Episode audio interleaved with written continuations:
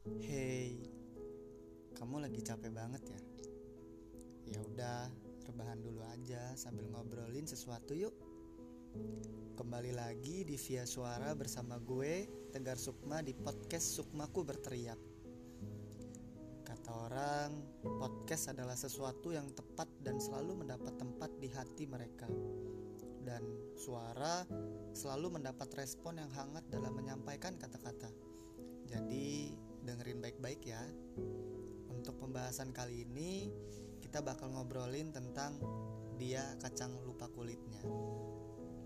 Kamu bisa menyelamatkan hatimu tanpa harus jadi egois kok.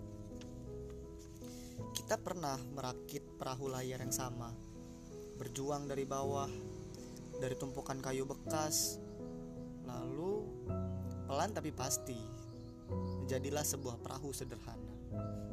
Kita berlayar bersama perahu itu, berjanji untuk tidak saling meninggalkan.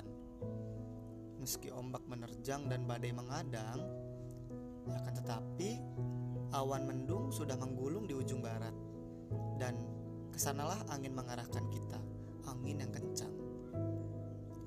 Kita memandang sekitar, dan ombak mulai menukik seperti ribuan bukit kecil menggoyangkan perahu sederhana kita. Kita mendayung perahu ini bersama, berusaha kembali ke daratan sebelum ombak besar menghantam perahu kita. Dan kita kepayahan, kelelahan dalam berjuang, sering kali berargumen karena aku yang mungkin terlalu lambat dalam mendayung. Atau kamu yang sering kali bodoh amat dalam keadaan krisis ini. Di tengah kepayahan ini, kita melihat kapal besar datang. Saat kapal itu tiba di sisi kita, sang nahkoda hanya bisa menolong satu orang dan aku kira kita akan sama-sama menanti pertolongan lain sampai kita sama-sama terselamatkan. Namun, momen saat aku kepayahan, you left me so easily. Dan aku di sini menggenggam buku ini, mencari cara untuk baik-baik saja seperti dulu. Aku ingin jadi egois. Besok aku ingin egois sehari aja. Namun, bagaimana kalau besok adalah hari terakhirku?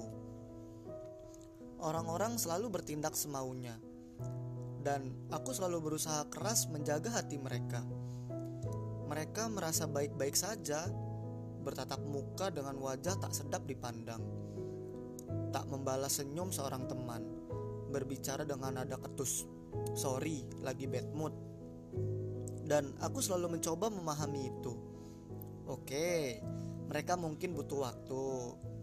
Oke, mereka mungkin lagi ada masalah. Oke, mereka mungkin eh aku selalu bilang diriku tak boleh seperti itu. Akan tetapi mereka juga seharusnya tidak begitu. Aku berusaha menjaga hati mereka.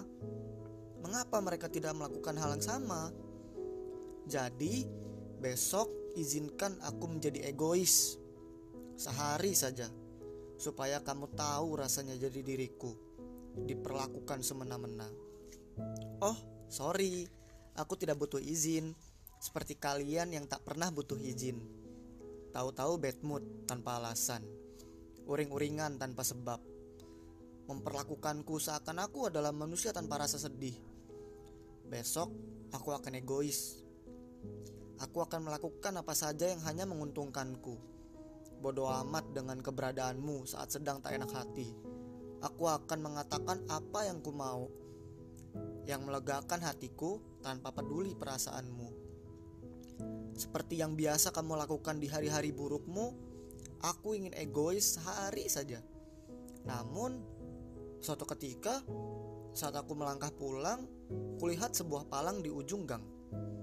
Tanda ada seorang yang meninggal dan itu membuatku bertanya, bagaimana bila besok di hari egois pertamaku malah jadi hari terakhirku?